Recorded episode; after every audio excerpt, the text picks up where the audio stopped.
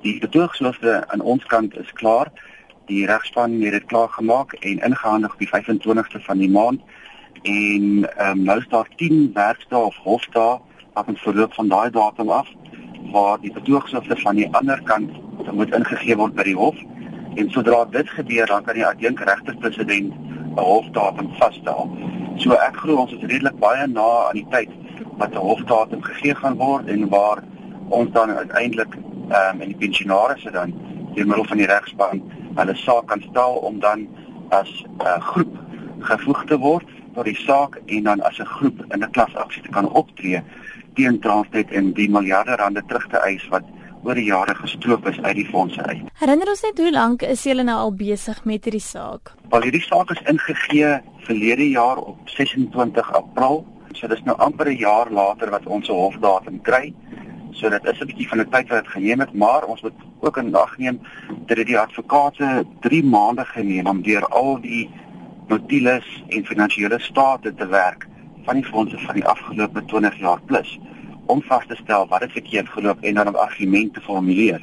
So ja, dit het lank geneem ongelukkig, maar daar's 'n rede daarvoor en ons is nou aan die vooraand van die groot geveg en die implikasie daarvan geneem indien die pensionaars dit reg kry om as 'n uh, groep op te tree, met ander woorde die hof sê nou ja, daar is 'n saak vir julle uit te maak en daar was verkeerd opgetree teenoor julle.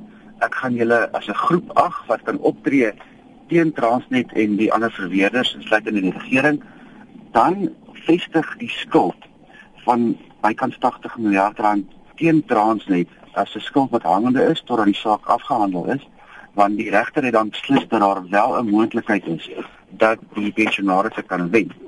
En die implikasie daarvan weer is dat dit op die finansiële state van Transnet en die regering gaan gereflekteer moet word en dit gaan wesentlik invloed uitoefen op hulle vermoë om geld in te samel of geld te leen vir hulle uitbreidingsprogram wat hulle het.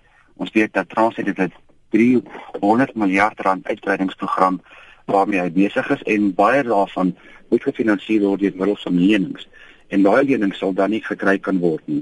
Die minister van openbare ondernemings Minister Tukaba het vir myself gesê in 'n parlementêre vraagstuk om gevra het dat hy glo ook dat Transnet gaan groot probleme hê indien die eerste been van die hoofsaak wel suksesvol is.